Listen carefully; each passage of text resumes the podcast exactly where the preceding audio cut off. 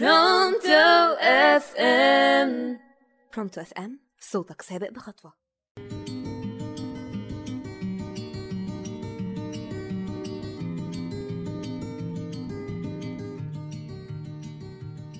لو فاكر إن أنت الوحيد اللي ممكن تتعرض للاكتئاب ونوبات القلق أحب أقولك إن الحيوانات كمان بتحس بده. الحيوانات بتمتلك عواطف الحزن والإكتئاب والسعاده والخوف زي البشر بالظبط. يعني تخيل تجيب كلب أو قطة ينسوك في وحدتك يطلع عندهم اكتئاب. وعلى فكرة تقدر تلاحظ عواطفهم بكل سهولة. يعني عندك مثلا عاطفة الخوف اللي بتظهر في الأم لما بتخاف على صغارها وممكن تاكلهم. بسبب الموضوع ده صعب تحليل سلوكيات الحيوانات واللي بتقول إن الحيوانات ممكن تصاب بأمراض نفسية وده لصعوبة إجراء التجارب والاختبارات عليهم. وللأسف الاكتئاب عند الحيوانات ممكن تخلي الحيوانات المصابة بيه تقدم على الانتحار. أنت عارف كمان عزيزي المستمع إن القطط بيجيلها وسواس قهري.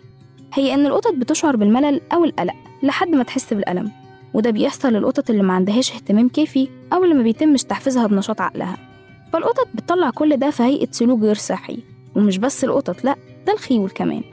ممكن تحس بملل ووحدة مع إن الخيول من الحيوانات النشيطة جدا إلا إنهم بيقضوا معظم وقتهم في أماكن ضيقة جدا ولوحدهم. فنتيجة لده الخيول بتظهر ده في هيئة سلوكيات غريبة.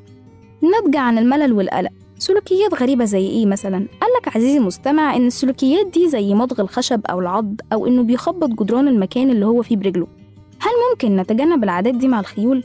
ممكن طبعا عن طريق إن إحنا نجيب الخيول نقعدها مع خيول تانية بحيث ما يحسش بالوحدة أو القلق وده غير إن الحيوانات ممكن تقدم على الانتحار ومع كل اللي بيمر بيه الحيوانات ده عمرك سمعت قبل كده عن مستشفى بتعالج المرضى بالحيوانات الأليفة؟